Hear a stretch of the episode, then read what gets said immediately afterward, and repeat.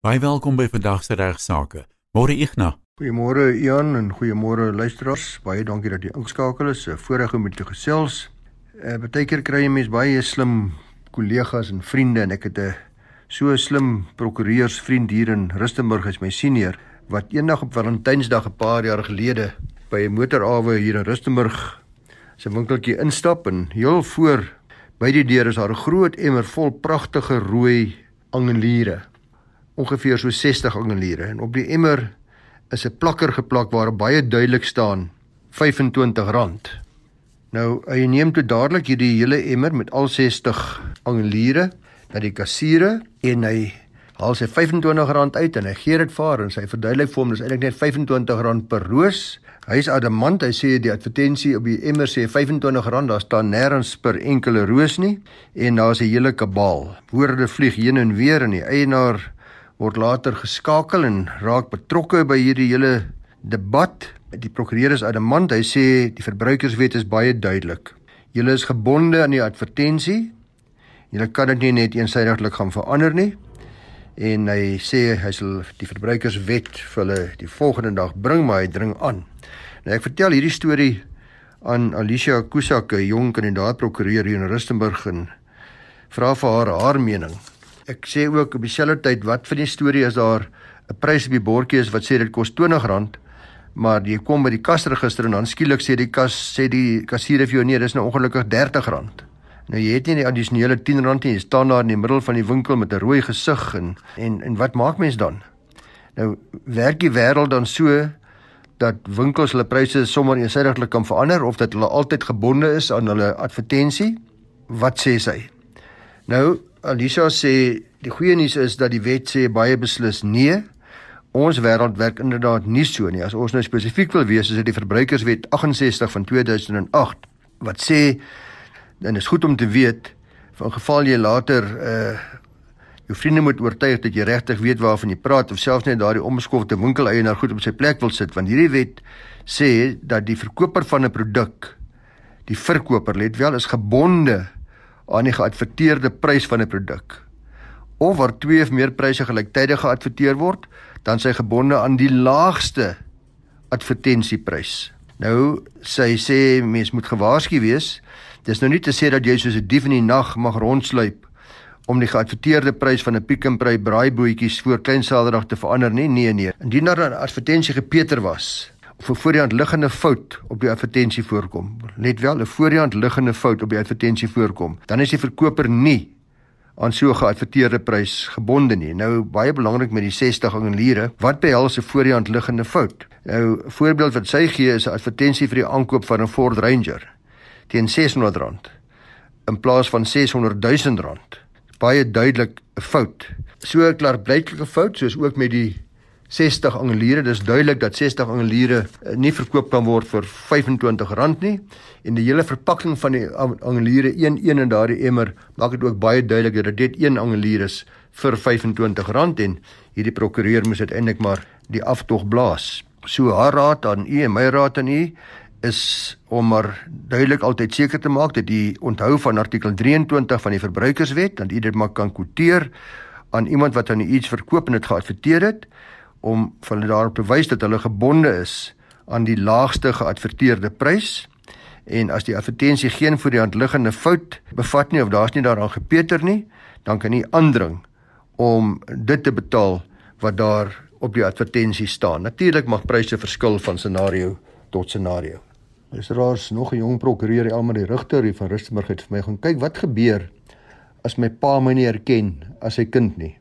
Wat staan om te doen? Kan ek byvoorbeeld steeds onderhoud eis? Sy sê die maklikste manier om hierdie vraag te beantwoord is deur dit te verdeel in twee dele. Eerstens vaderskap en tweedens onderhoud. As as gekyk dan word na vaderskap, is daar twee gevalle wat ons in gedagte moet hou. Die een geval is waar daar 'n kind gebore word uit 'n huwelik.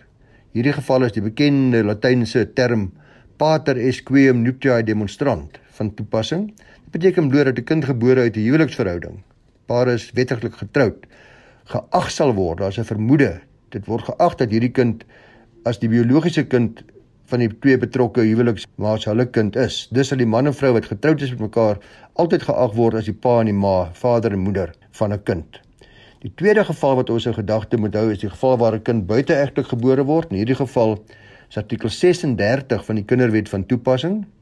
Hierdie artikel bevestig dat daar 'n weerlegbare vermoede is. Let wel, in die eerste geval was die kind geag as die biologiese kind, in die tweede geval is daar 'n weerlegbare vermoede dat die persoon met wie die ma omgang gehad het, dis nou geslaglike gemeenskapsomgang gehad het, ten tye van die verwekking van die kind geag sal word as die biologiese pa van die kind. Dit sal dan van toepassing vind behalwe as daar bewyse tot die teendeel is. So die ma sê Jannie, jy's die pa, ek het met jou gemeenskap gehad en dan is daar 'n verlegbare vermoede dat Jannie inderdaad die pa is en dit kan natuurlik hierdie weerlegbaar beteken dit kan weer lê word. Indien 'n pa dus nie 'n kind as sy biologiese kind erken nie, sal hierdie beginsel van artikel 36 van toepassing wees en indien die pa met die ma omgang gehad het en 'n kind is binne die redelike tyd daarna wat die normale tyd is verwek, is daardie weerlegbare vermoede op hierdie pa van toepassing. Maar wanneer vaderskap dan nou in dispuut is, as die pa sê ja, dit mag se wees, weet ook met ander manne geslaap, ek weet daarvan, dan kan die partye eerstens by ooreenkoms toestem en saamwerk om vaderskap toetse te laat doen. Hierdie toetse word gewoonlik gedoen deur die prik van 'n vinger ten einde bloedmonster te bekom. Dien die pa nie wil toestem op samewerking bied en aansien van die vaderskapstoetse nie, dan kan die hof natuurlik genader word om die pa te beveel om sy samewerking hierin te bied. En die hof sal dit normaalweg gunstiglik oorweeg en in die hof oefen hulle diskresie uit van geval tot geval maar gewoonlik sal die pa se menseregte teenoor die kind se beste belang opgeweeg word en normaalweg sal die pa verplig word om die vaderskapstoetse te ondergaan Uh nou dat die konsep van vaderskap behoorlik aangespreek is, luisteraars kan daar gekyk word na die tweede deel van hierdie antwoord. Dit handel oor vaders en hulle onderhoudsverpligting. Ons weet almal, is 'n welbekende feit dat beide die ma en die pa verantwoordelik is om die behoeftes van 'n kind te voorsien en hierdie verpligting spruit voort, hierdie verpligting om onderhoud te betaal. Spruit voort uit die kind se onderhoudsbehoeftes. Dis betaalbaar tot en met die kind selfstandigheid bereik. En nie noodwendig net en tot met die kind meerderjarigheid bereik nie. Met ander woorde, solank as wat die kind sorgbehoevend is, al is hy reeds meerderjarig. Soos ek genoem het, is die pa en ma gesamentlik verantwoordelik vir betaling onderhoud en sal dit gewoonlik pro rata volgens hulle verdienstelike vermoëns verdeel en bereken word. So hulle inkomste sal bepaal normaalweg in watter persentasie hulle elkeen moet bydra tot die onderhoud van hulle kind. Indien een van die ouers dan nou versuim om hierdie plig na te kom, dan natuurlik uh, moet die onderhoudsgenader word vir verligting vir hulp. Ek kan herinner luisteraars manne aan dat 'n onderhoudsverpligting nie saam met die partye sterf nie. Onderhoud gaan ook geëis word teen 'n bestorwe boedel. So indien pa of ma oorlede is, maar daar's kinders wat steeds onderhoudsbehoeftes het en uh daar is ander erfgename, dan sal hierdie kinders 'n eis kan instel teen die bestorwe boedel en dit word dan behoorlik bereken uh wat betref hulle ouderdom, hulle lewensverwagting ensovoorts, is aktuariële berekening en daardie eise kan gewoonlik baie baie groot is. Dikwels die hele boedel uitwis. Dit nie 'n baie groot boedel is nie. Die vraag wat dan laastens geantwoord moet word is of 'n pa wat vaderskap ontken onderhoud moet betaal. En die antwoord is natuurlik ja. Indien hy ontken, geld die vermoede steeds, soos hy verduidelik het in artikel 36, tot en met hy die teenoor kan bewys. So hy is onderhoudspligtig tot tyd en wyl 'n hof gesê het dat daardie vermoede is weer lê. Vaderskapstoetse kan dan ook hierdie onsekerheid uit die weg ruim soos ek reeds verduidelik het. En dit is ook so dat nie alle paas van buiteegtelike kinders regte en verpligtinge teen aansien van die kinders het nie. Artikel 21 van die Kinderwet sê duidelik dat een hoe hierdie paas regte en verpligtinge kan bekom. Dis wel belangrik om daarop te let dat selfs paas wat nog nie enige regte en verpligtinge teen aansien van hulle buiteegtelike kinders bekom het nie, altyd steeds die verpligting het om onder onderhoud te betaal. So hulle verwar dikwels hulle reg om die kind te sien, hulle reg om kontak te hê uh, en om naweke die kinders te sien ensovoorts met hulle verpligting om onderhoud te betaal. Die twee het met mekaar niks te doen nie en artikel 21 subartikel 2 van die Kinderwet maak dit ook baie duidelik. Dus ter samevatting luisteraars sê Elmarie vir ons dat ons wetgewing maak voorsiening vir 'n vermoede van vaderskap as se geld totdat die teendeel bewys is in geval van buiteegtelike kinders by, by uh, ma's en pa's wat getroud is tydens die geboorte van daardie kind word daardie kind as hulle biologiese kind beskou en uh, verder het beide ouers dis nou of die kinders binne of buite huwelik gebore is verpligting om hulle kinders te onderhou pro rata en inkomste hulle verdien vermoë Indien daar 'n onderhoudsbehoefte is, is die onderhoud deur die ouers betaalbaar en opeisbaar, nie net tot by meerderjarigheid nie, maar solank as daar 'n onderhoudsbehoefte is en dit 'n redelike onderhoudsbehoefte is. Ek dink daar is min luisteraars wat nie al die ondervinding gehad het dat hulle gereeld getuister word met aanmanings wat niks met hulle te doen het nie of telefoniese oproepe of selfs dagvaardings, tallerlei pogings om geld vanaf my te probeer vorder terwyl ek to totaal verkeerde persoon is. Soms is dit as gevolg van vorige eienaars wat by my adres woonagtig was, uh, wat geld geskuld het of wat dinge gedoen het en soms was daar identiteitsdiefstal wat baie erge frustrasies meebring. Dis party luisteraars sal weet. Soms is dit bloot onbekwame en alstarrige aggressiewe skuldinvorderaars wat 'n mens frustreer. En ek kry 'n briefie van Sadie Dempers wat sê sy het so 'n probleem met dagvaardings wat gereeld vir 'n vorige inwoner by hulle huis afgelewer word. Sy het al 4 geregistreerde stukke laat terugstuur. Sy het al 3 maal vir die balie gesê sy weet niks van hierdie mense nie. Sy het al 2 maal prokureurs gekontak om probeer verduidelik dat hulle by verkeerde adresse is. Maar as sy maar weer sien, dan is daar weer 'n nuwe dokument wat by hulle palisade gelaat word of beteken word. Sy het al die prokureurs gedreig met 'n help niks nie. Sy sê, "Hoe dring ons deur hierdie muur van stiksinigheid?" Nou, Sari en luisteraars, My raad is en ek weet dis nie die beste raad nie en dit is nie wat jy wil hoor nie. Maar die eerste prys is maar eerstens moet doen wat Sari gedoen het, laat weet die mense, sê vir hulle dis nie ons nie. En belangrik om as jy dit doen om ook bewyse te gee. Dan net te sê wie wat ek bly hier by eerste laan nommer 1 in Rustenburg, maar uh dit is ek is Piet en uh, julle soek vir Koos hier. Dis natuurlik baie maklik vir sliewe en daar's baie van hulle debiteure om op hierdie manier die balie te mislei en om skuldeisers te mislei deur te lieg en te bedrieg. En terloops, as mens dit sou doen, dan sou dit 'n kriminele oortreding en dikwels sal daar dan kriminele klagtes gelê word. Die balie sal dan ook op besoek van uitskuldeisers voortgaan met klagtes teen sulke skuldenare wat lieg oor wie hulle is.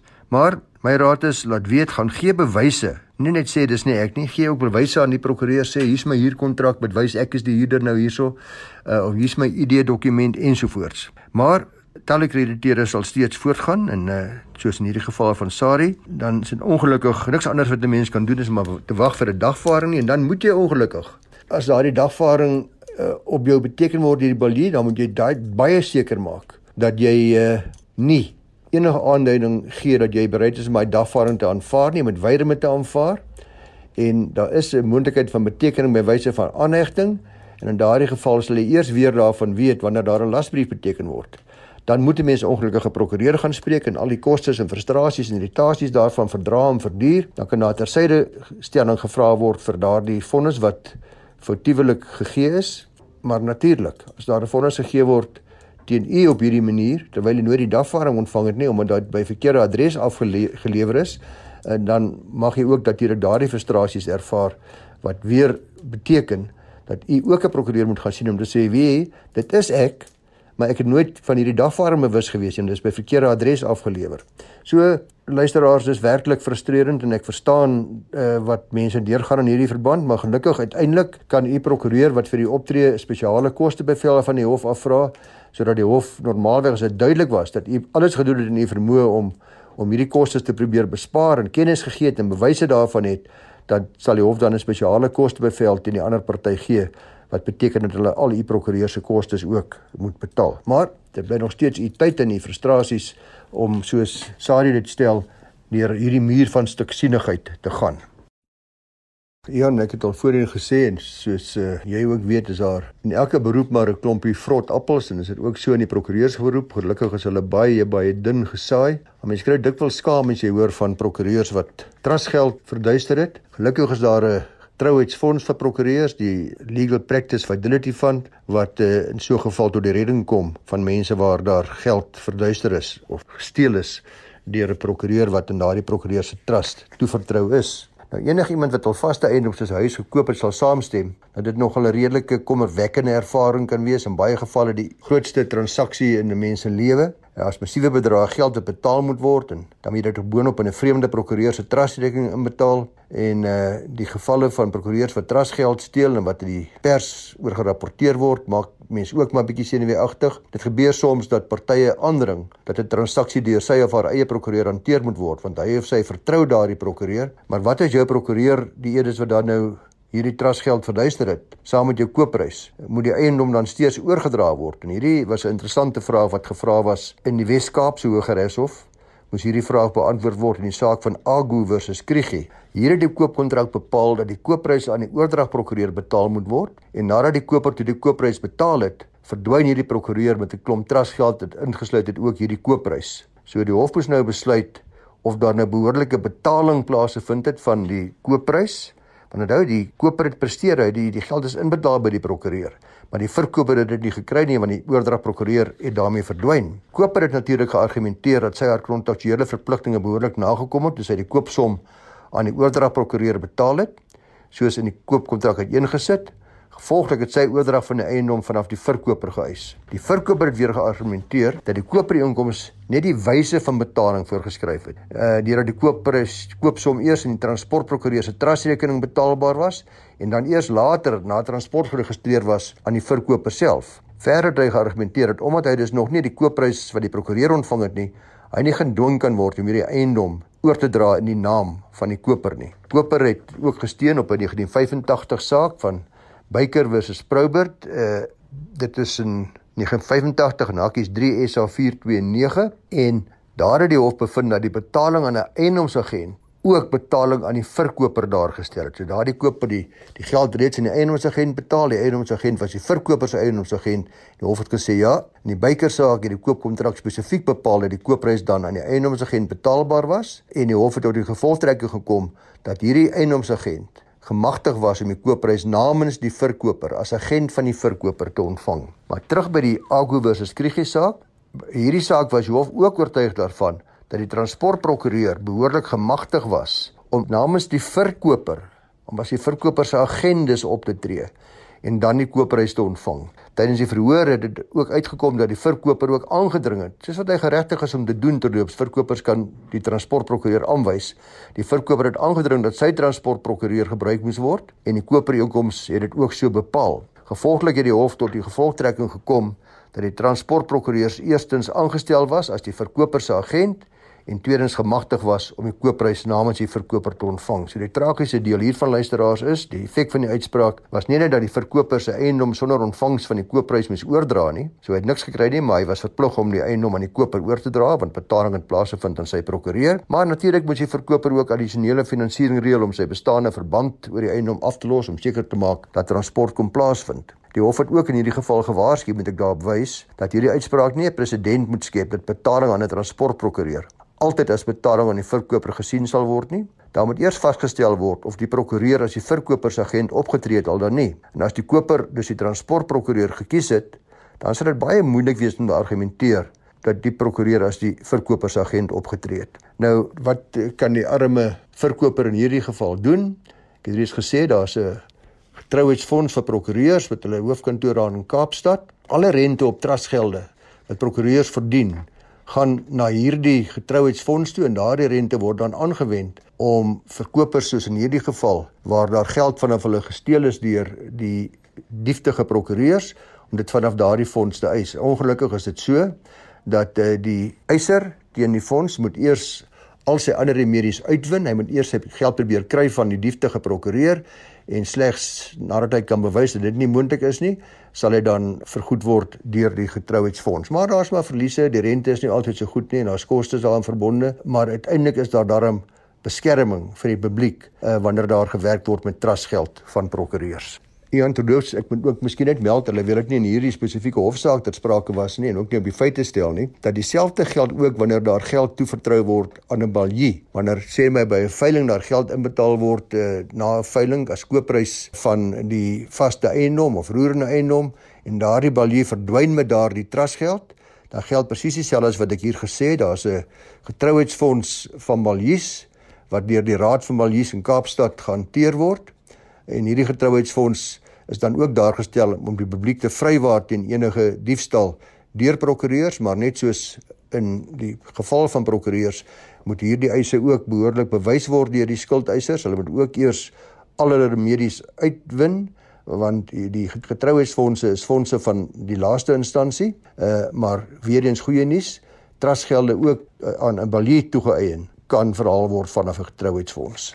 Ja, ja, nou dat ons uh, nie meer met mekaar van aangesig tot aangesig praat nie as gevolg van COVID en ek die meeste van uh, die insette maar hier van uit Rustenburg opneem en vir jou stuur, mis ek die lekker geselsies tussenin en veral die humor waarmee jy so goed is en wat ek baie baie goeie terugvoer kry van luisteraars wat die humor nogal geniet so van tyd tot tyd op hierdie program. En Landros en ek het nou ongelukkig sy naam verlê en ek so jammer daaroor. Het vir my 'n baie mooi uittreksel gestuur uit 'n hofsaak wat nogal koslik is. Dis die saak van Martin versus die kiesbeampte van Newcastle afdeling en 'n ander is in 1958 saak daar in Natal. En luister wat regter Holmes in hierdie saak gesê het in sy uitspraak. Dit gaan oor die taal wat gebruik word vir die uitspraak. Hy sê in this case the applicants affidavits were in English and his counsel the advocates addressed the court in English.